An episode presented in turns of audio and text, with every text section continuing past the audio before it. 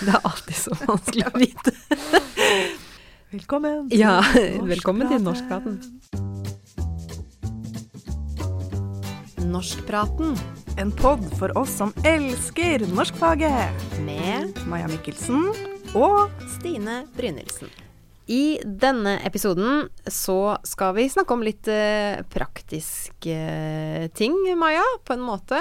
Ja. Eh, vi skal snakke om det å skrive, og særlig da det å skrive masteroppgave i norsk. Ja. For det er det jo mange som både har gjort og skal, eh, skal gjøre. Det er særlig de da som skal gjøre det, som, som kanskje trenger noen tips på veien. ja, for det å skrive en så omfattende oppgave, hvor man fordyper seg i et tema, det er jo ganske utfordrende. Kan mm. være det. Eh, og både du og jeg har jo vært i den prosessen eh, sjøl, Stine. ja. ja. Selv om det begynner å bli en stund siden. Begynner å bli lenge så- siden. 15 år siden. Jeg tror Ja. vi skrev masteroppgave sånn ca. på samme tidspunkt. Jeg leverte min i 2006. Ja, det, jeg tror jeg leverte i 2005. Ja, Ja. så da var vi ganske nærme. Det var vi. Og vi har skrevet litt forskjellige masteroppgaver, da. Mm. Eh, Du har skrevet innenfor litteratur, Mm. eh, og jeg har skrevet mer innenfor sakprosa og gjort analyse av nettsider. Mm.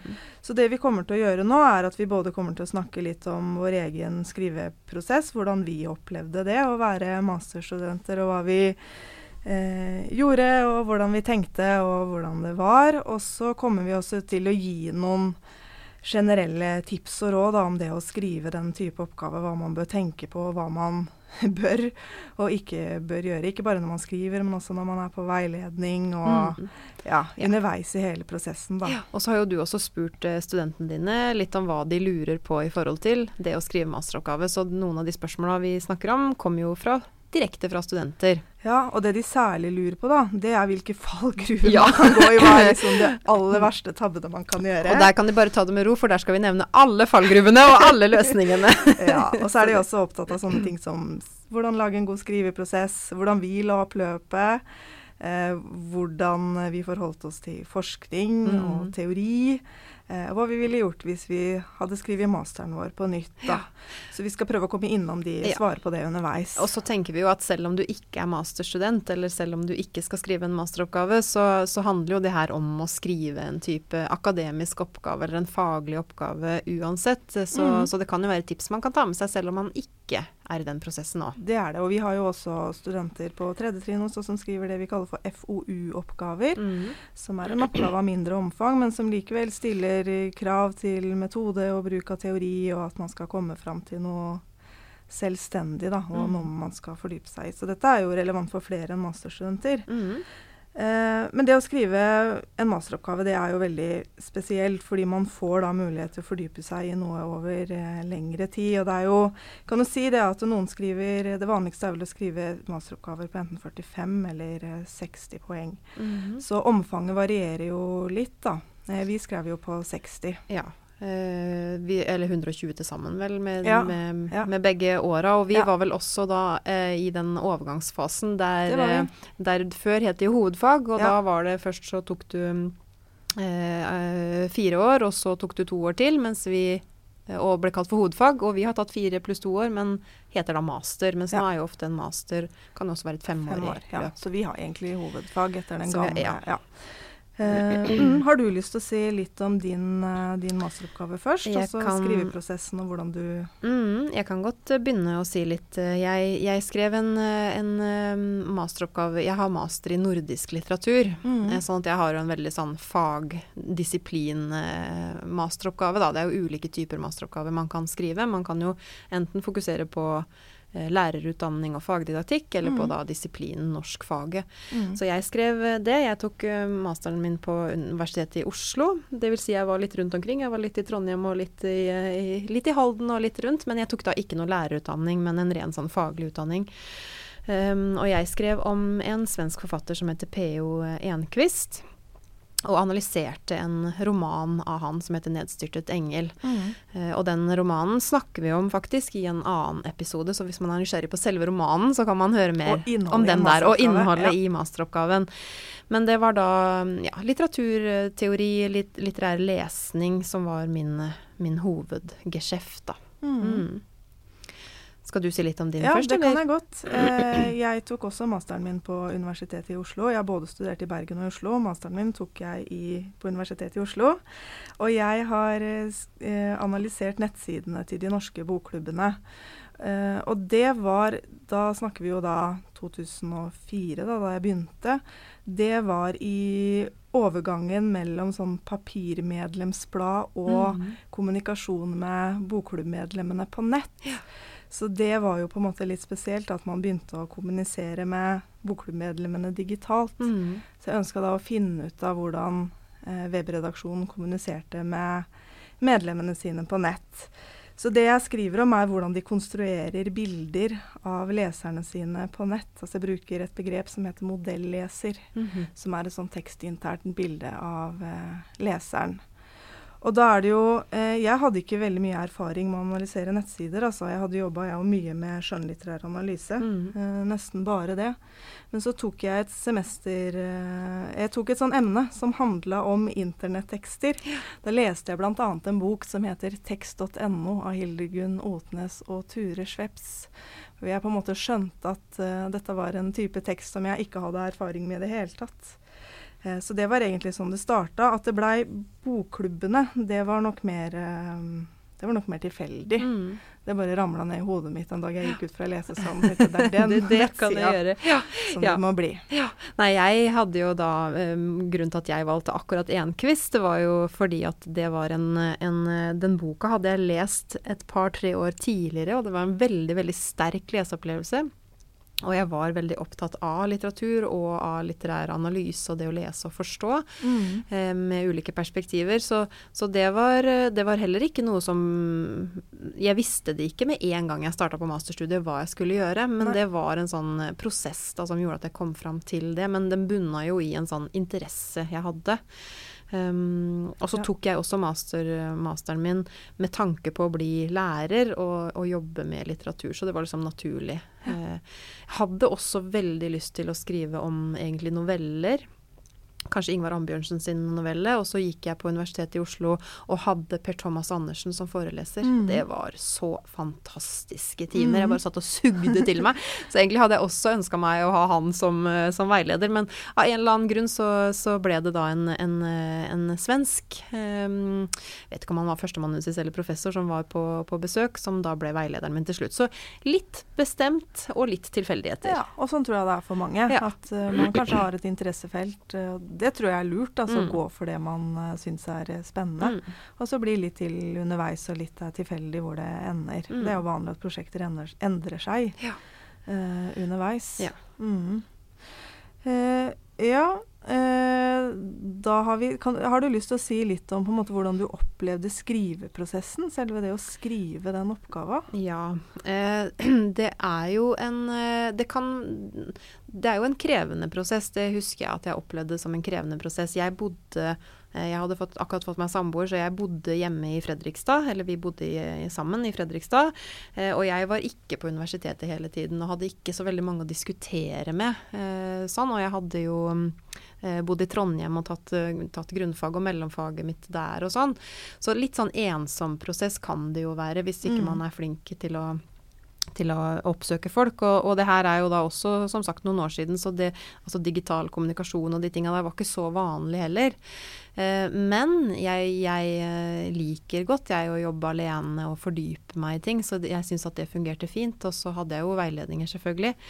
Eh, og så opplevde jeg at det var en kjempeinteressant prosess. Jeg likte det godt, men jeg var også mye frustrert. Mm. Særlig når det gjelder teori, kanskje. Altså det mm. å knytte det til teoretiske perspektiver og det å klare å forstå. Jeg brukte bl.a. en russisk um, litteraturfilosof som heter Bakhtin, som skriver ganske komplekst, for å si det sånn. Mm. Uh, som, som, jeg ikke helt uh, skjønte. og det å slåss litt med de tankene der og sånn, det, det syns jeg var krevende. Eh, ellers så er jeg glad for at jeg er ganske systematisk av meg. At jeg liker å systematisere ting. Den gang. Det her sier noe om hvor lenge det her er siden. Jeg tør nesten ikke si det. Men jeg hadde sånne kort, sånne kartotekkort, fysiske kort, som jeg skrev ned liksom tanker og ideer og skrev ned litteratur og sånn. Vi hadde PC, altså. Jeg skrev det på PC, og jeg leverte, jeg leverte det digitalt. Men i tillegg da, så, så, noterte jeg ned ting og ideer eh, litt sånn underveis. Og så gikk jeg veldig mye tur. Det tror jeg faktisk er lurt, å ikke bli sittende og grave seg ned. Men jeg var ute og gikk tur uten å høre på musikk, uten noe som helst. Eh, jeg hadde med meg hund. Eh, hunden til mamma og dem, en gammel labrador som fikk gått mye tur. Eh, og det satte i gang veldig mange tankeprosesser. Du går sånn og prater med deg sjøl, du får noen ideer.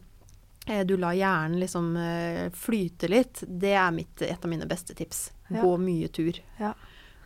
Det er egentlig min erfaring, at det å ta pauser er lurt. Mm. Altså, det var noen som nærmest bodde på lesesalen. Ja. Det gjorde ikke jeg, men jeg jobba veldig intenst når jeg mm. først jobba. Uh, det gjorde jeg. Mm. Og så er det jo en gyllen mulighet da, som sagt, til å fordype seg i noe av det du syns er interessant. Det mm. er en veldig spennende prosess, altså, så det er mm. egentlig mest å glede seg til, um, til det. Ja. Jeg jo liker jo som deg å sitte og skrive og pusle og mm. være i mine egne tanker mm. og lese ting jeg ikke skjønner. Jeg syns jo det er en magisk eh, opplevelse når jeg har lest og lest og lest noe jeg ikke skjønner, mm. og så endelig så klarer jeg å skrive én ja. velformulert setning hvor jeg på en måte har oversatt noen kompliserte ting da, mm. til, til mine egne ord så må man også regne med å bli drittlei av teksten ja. sin. Drittlei. Kvalm av å åpne PC-en og titte, titte, på det og bare tenke det her er noe dritt, det er ingenting som er bra. Eh, og da er det lurt å ta seg en pause. ja.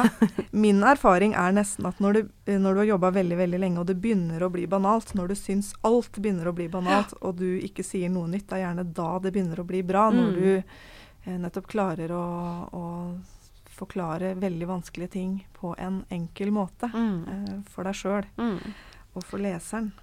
Og så tror jeg det er viktig å tenke på at det er en skriveprosess.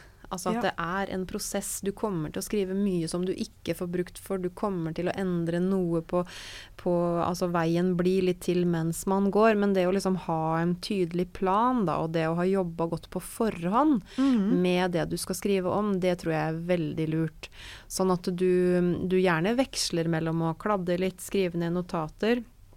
Eh, nå vil jeg jo absolutt anbefale deg å systematisere det digitalt, selvfølgelig. da. F.eks. bruke OneNote mm. eh, til å skrive ned tanker, ideer. Lage en egen fane til um, litteratur, f.eks. Som altså referanser. Mm. Bruke gjerne EndNote òg, selvfølgelig. Men, men, liksom samle ideer et sted, eller Evernote eller hva du vil. Lage mapper i OneDrive.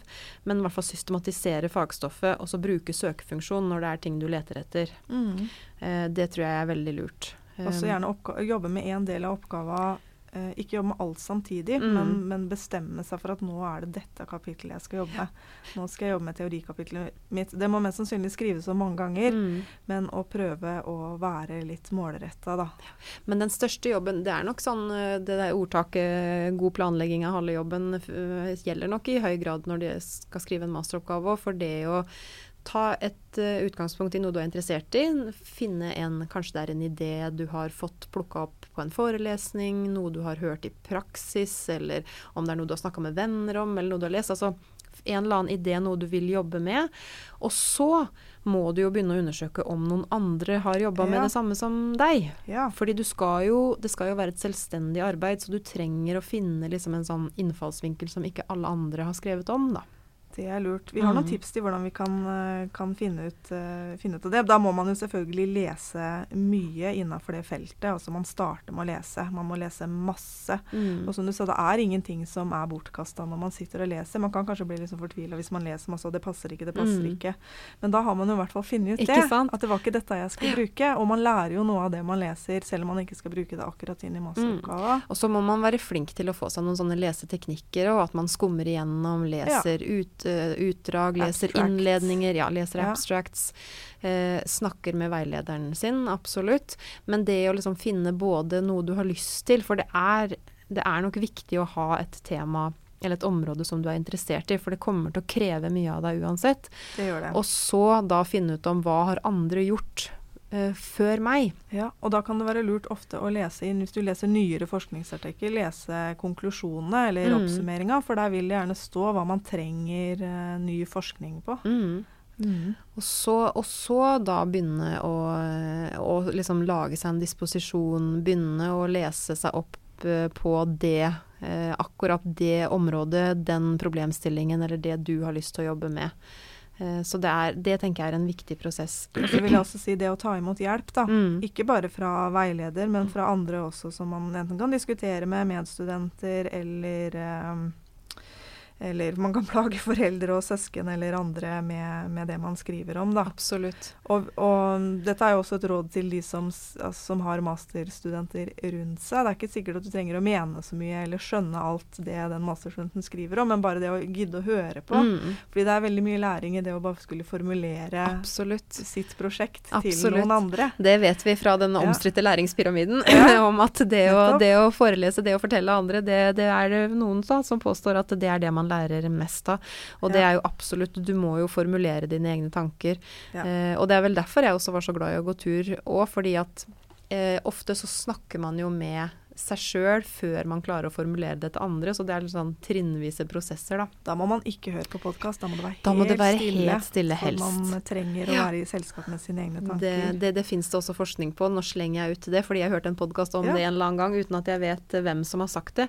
Eh, men der man faktisk har funnet ut at hjernen trenger å kjede seg litt for å kunne være kreativ. Så man Mhm. må kutte ut noen impulser som du kanskje går og, og Altså du ser på skjerm, eller du hører på noe, eller du prater med noen. Men det å ikke ha noen impulser, det er mm. veldig bra for kreativiteten. Og så vil jeg også slå et slag for det å tørre å skrive dårlig. Skikkelig Ja. dårlig. For det er sårbart å leveres fra seg Mm. tekst eh, til veileder, eh, eller medstudenter som skal se det du har skrevet, da. Men tørre det å levere fra deg noe som du kanskje ikke er helt fornøyd med sjøl. Det tenker jeg er kjempeviktig. Og Ja. der er jeg, var jeg altfor dårlig. Fordi jeg, jeg ville nok helst at ting skulle være ferdig før noen andre kunne se det. Ja. Og det er dumt, fordi da går du kanskje glipp av en del verdifulle innspill som du ellers eh, Som ville vært lettere òg å bruke når ikke du har en ferdig tekst. Så Ja. er det jo lettere å kunne bruke gode ideer som du eh, får. Ja. Så det å si det her er bare en skikkelig, skikkelig kladd, kan du være så snill lese, det tror jeg er veldig lurt. Og det er veldig dumt å late som man får til ting når man egentlig ikke gjør det. Mm. Altså Alle syns det er vanskelig å Mm. skrive en masteroppgave, og det skal være vanskelig. Mm. Så vi kan bare innrømme det alle sammen, Ja. at det er smertefullt og vanskelig. Og, og det, det går ikke over. Jeg har det fortsatt sånn når jeg skal skrive forskningsartikler nå, at jeg første gang jeg leverer fra meg nå, det er et makkverk. Og så får jeg tilbakemelding, og så kommer det masse, masse, masse, masse 'Dette er sånn og sånn må du gjøre'. Og så Mm. går jeg hjem, og så gråter ikke alltid, men Nei. noen ganger. eh, og så går det noen dager hvor jeg bare må, må legge det fra meg. Og så må jeg faktisk sette meg ned igjen, rive i stykker førsteutkastet og begynne helt på nytt og brette opp ermet. og Det er veldig tungt, Mm. men, men da er man videre. Så akkurat som ikke det å lese, uansett hva du leser, det er ikke bortkasta. Uansett hva du skriver, det er heller ikke bortkasta, for det er et uh, Det Mm. er uh, en prosess. Ikke sant. Og så tenker jeg også at det er et tips å, eh, å jobbe jevnt og trutt, selvfølgelig. Men også noen dager så kanskje ikke du får skrevet noen ting, men kanskje du får skrevet ned en to-tre setninger eller en to-tre ideer, og så kan du bygge videre, videre på det. Ja. Jobbe jevnt, det tror jeg er lurt. Mm. Eh, levere også til veileder eh, jevnlig. Mm. Mm. Og så er jo det sånn som all, eh, all studering, det her med å planlegge litt når man skal studere, og når man liker best å skrive. Noen Mm. liker jo godt å skrive på kveldstid når det er stille i huset, mens andre Ja. trenger å gjøre det på, på morgenen mens man er frisk, i, frisk og rask i, i hodet. Ja. Jeg må gjøre det om morgenen, og da sover også alle andre. Mm. Så da er det ingen som sender meg e-poster eller Nei. ringer meg eller plager meg på andre sant? måter. Og da har jeg ikke så dårlig samvittighet. For det tror jeg er det jeg sliter mest med. At jeg har alltid så dårlig samvittighet når jeg setter meg ned Mm. eh, og skal skrive noe. Ja. Eh, så, men, men jeg har ikke dårlig samvittighet når jeg sover. Så hvis jeg heller sier at nå må, jeg, det er lettere for meg å si at nå må jeg gå og legge meg, Ja. nå må jeg sette meg og skrive. Eh, Men, men hva eh, Altså, hva er de Skal vi ta de store fallgrubene nå, eller vil du vente litt med Nei, de? vi kan godt ta Ja. for det, det lurer, lurer, lurte jo mine studenter på. da. Hva er liksom de verste fellene å Mm. gå i? Eh, og da kan jeg jo si litt hva jeg ser i sensur, da. For jeg Mm. sensurerer jo masteroppgaver innimellom. Eh, det er flere ting. Det, det, første er jo dette her med teori. Det er som sagt det, det er vanskelig. Men det å sette seg skikkelig inn i eh, avansert teori, det må man gjøre. Mm. Og i dag så fins det så mye tilgjengelig på nett at det er veldig lett å gå i den fella at man bare googler noe. Mm. Og så tar man det første som dukker opp, eh, som kanskje ikke er eh, vitenskapelig engang. Innenfor fake news-verdenen ja. så sier man jo 'jeg har forska', og så har man mm. bare lest på en eh, tilfeldig mm. nettside. Så man må lese skikkelig, skikkelige bøker, gjerne, og vitenskapelige artikler, da. Mm. Uh, ja, det må man gjøre. Man må gidde å se litteraturlister. Uh, og, å, finne fram til tekster. Det kan være vanskelig. Man bruker biblioteket eh, søker vitenskapelige tidsskrifter, gjøre den søke- og leitejobben mm. skikkelig. Og så må man vel sørge også for at den teorien henger sammen ja. med problemstillingen din, for det jo kan det være riktig. vanskelig. En, en ja. problemstilling kan jo gjerne forstås og belyses fra veldig mange ulike ja. vinkler.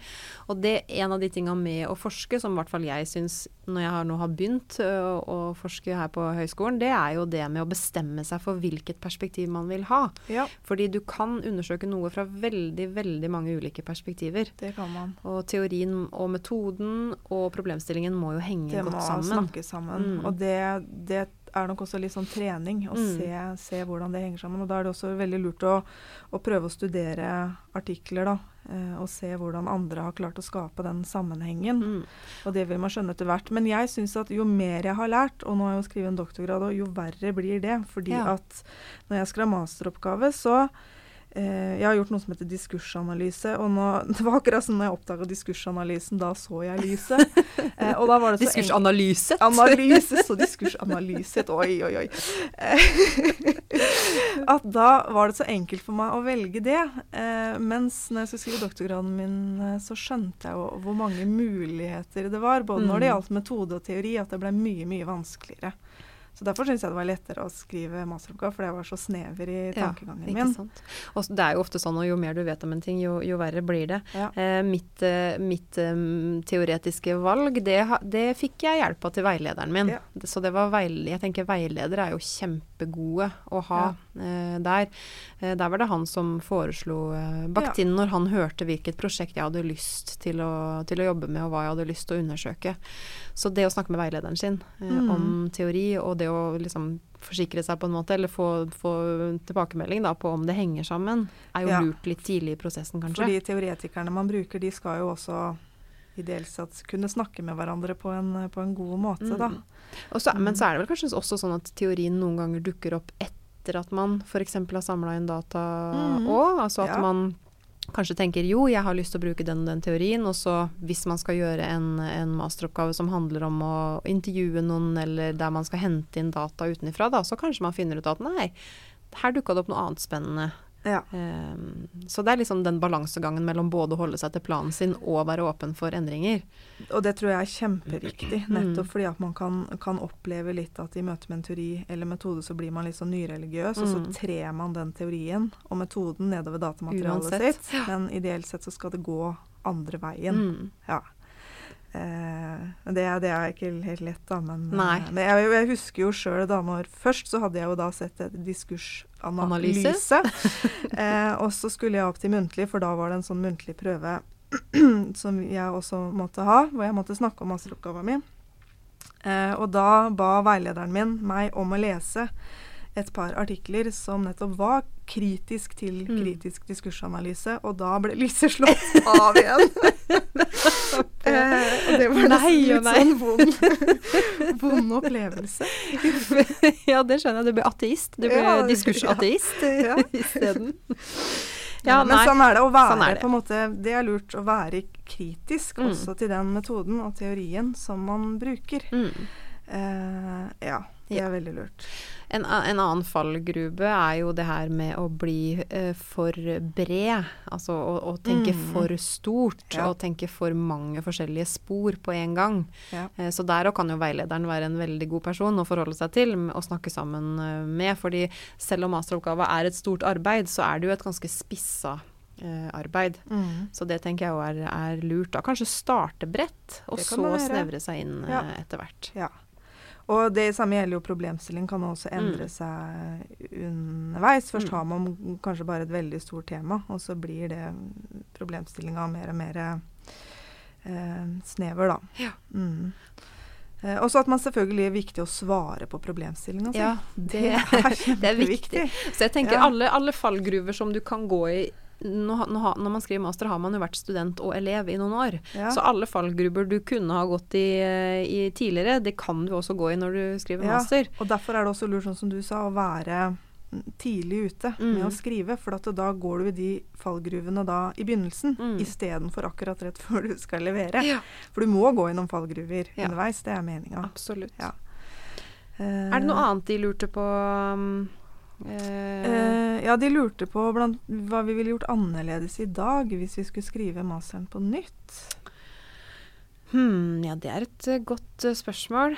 Ikke gjort Um, noe annerledes. nei, jeg syns det funka fint, jeg. Eh, ja, nei, jeg Nei. tror det hadde vært å liksom hegne litt mer om min egen skrivetid og, og stå for det. Eh, Mm. det er jeg fortsatt ikke så veldig god til, men at eh, Det er ikke alltid de rundt forstår hvor krevende det er å skrive en masteroppgave.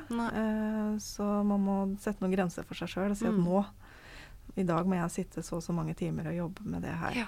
Nei, jeg hadde nok eh, kanskje anbefalt å prate mer med andre underveis. Ja. Altså både fordi at du sitter der med en litt sånn fantastiske opplevelser sjøl. Du sitter der med masse tanker og ideer Mhm. eh, som du har lyst til å fortelle noen. Og jeg snakka med samboeren min om det, men han eh, liksom skjønte ikke helt eh, greia eh, nødvendigvis. Eh, mens, og, og i tillegg det her å få an, andre sine input, da. Og det Mhm. tenker jeg nå som vi lever i denne digitale alderen, så er det lettere både å å ha digitale kollokviegrupper, eller å møte om du vil møtes fysisk. Men hvis man bor fra hverandre, sånn som jeg eh, gjorde, da, så Ja. kan man jo bruke, bruke det. Opprette noen egne eh, masteroppgave-teams i Mhm. Teams der man kan dele filene sine, eller diskutere, eller skape noen sånne samarbeidsplattformer. Går an. Mm. ja.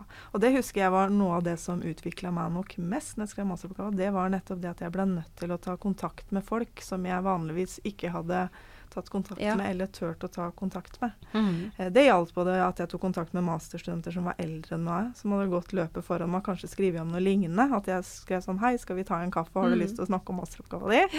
Kjempeskummelt, men veldig lurt. Mm. Og også det at jeg måtte ta kontakt med Jeg intervjua jo webredaksjonen i de norske Ja. eh, bokklubbene og reiste opp dit med sånn stor koffert med lydopptaksutstyr. eh, og intervjua de. Det var også Altså jeg var jo, da var jeg jo ganske ung, da, så det, det var litt skummelt. Mm. Men det, det er også utviklende å måtte kaste seg ut i sånne ting, da. Mm, absolutt. Mm. Og da, nå nevner jo du informanter, fordi Ja. jeg hadde jo ikke informanter. Jeg, jeg, jeg skrev jo bare, bortsett fra Enquist, da, som man kanskje kan si var en viss, til en viss grad informant med e-postene Mhm. sine. Men, men eh, det kan jo hende at mange, særlig som da tar lærerutdanninga, vil, eh, vil intervjue lærere mm. f.eks. Ja, Hvordan får man egentlig tak i informanter? man spør. Man spør. Man kjenner kanskje noen som kjenner noen som kanskje er interessert Mm. eh, i å være med, eller som har erfaring med det temaet man har lyst til å undersøke. Ja. Og så kan man sende en e-post. Eh, da bør man jo, det, er lurt, det som er lurt, er å ha såpass grep om prosjektet ditt at du kan svare skikkelig på hva det er du skal eh, intervjue om, Mm. da. Ja. Ja, så, så det å bruke f.eks. lærere man har jobba med i praksis, eller, eh, Ja. eller folk man kjenner, eller eh, Det kan man. Eh, vi kan kanskje ikke gå veldig inn på det, men det, det, altså, det er ikke sikkert at det alltid er lurt å intervjue de du står aller nærest. Um, det er ikke forbudt, men, eh, men da kommer man jo opp i noen ting man Mm. bør diskutere, i hvert fall. Ja, for det er jo også, hvis man trekker inn informanter, så er det jo også en god del etisk aspekt som du helt sikkert bør diskutere med veilederen din. Ja. Eh, og særlig hvis man begynner å å tenke at å, jeg vil intervjue noen eh, tredjeklassinger. Mm. Eh, da, da dukker det opp noen eh, Ja, eh, så, hinder og tanke... Uh, er du over 15 år, så kan du samtykke sjøl, Mm. men uh, er du yngre enn det, så, så skal foreldrene ha, ha gitt uh, tillatelse. Også jeg forsker jo mye på barn, og de skal ha også rett på informasjon uh, tilpassa dem, da, Mm. i forhold til hva det er de er med på. Så jeg lager da alltid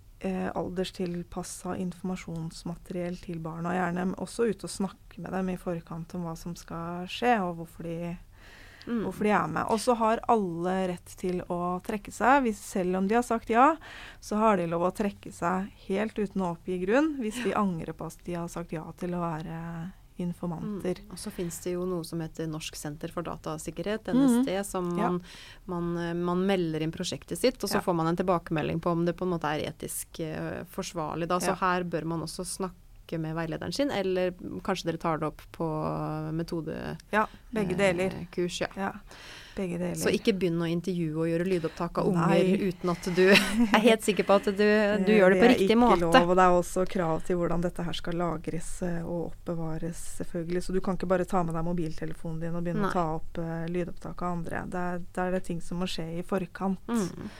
Ja, og det er også som sagt veldig lurt at du da grep om, godt grep om prosjektet ditt før du begynner å skaffe informanter. Ja. Men lurt da igjen å være tidlig ute. Mm.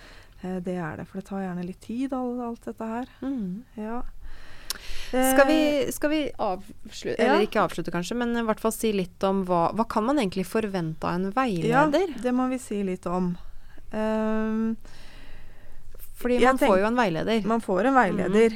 Eh, da tenker jeg Det er ikke det er vel ikke på alle institusjoner at det er om at man kan velge, men hvis man har mulighet til å velge, så tenker jeg at man bør jo tenke at dette er en Man bør nok tenke da på litt at det er en uh, person som man veit at er i stand til å, til å hjelpe deg. Altså, Mm. dette handler jo litt om kjemi også. Mm. Uh, Sjøl var jeg veldig opptatt av Jeg hadde Kjellars Berge. Han er veldig tydelig i tilbakemeldingene sine. Jeg hadde han både på master og eh, doktorgrad. Jeg er veldig avhengig av at noen eh, ikke at, at man er direkte. At mm. man sier det sånn som det er, både når det er bra og når det er ikke bra. Mm.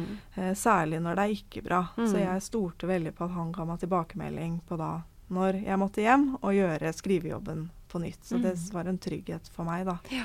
Eh, man, eh, man, det man kan forvente, er at eh, veileder leser det du skriver skikkelig, og tar Mhm. seg god tid um, til å snakke med deg. Det er veldig forskjellig, Jeg opplever at det er veldig forskjellig over hvor mye studenter tar initiativ til eh, til veiledninger og hvor mye de ber om hjelp. Men jeg tenker det er viktig å tenke på at dette er, dette er ikke bare veileder sitt ansvar. Det er ditt ansvar. Mm. Uh, Som ja. student òg. Ja. Det er det. At du ikke bare kommer til veiledning og setter, setter deg ned og tenker at nå skal veileder Nei. fortelle meg alt. Nei, for det tenker jeg jeg, jo. Det, er, ja, det ligger jo i ordet veilede. Altså, Ja. de, de, har- de har mye mer erfaring enn en deg. Har kanskje skrevet en doktorgrad Mhm. sjøl i tillegg til mastergraden sin, og, og, og skal kunne på en måte det. Men samtidig så er det jo ditt arbeid. Det er jo din, eh, din oppgave.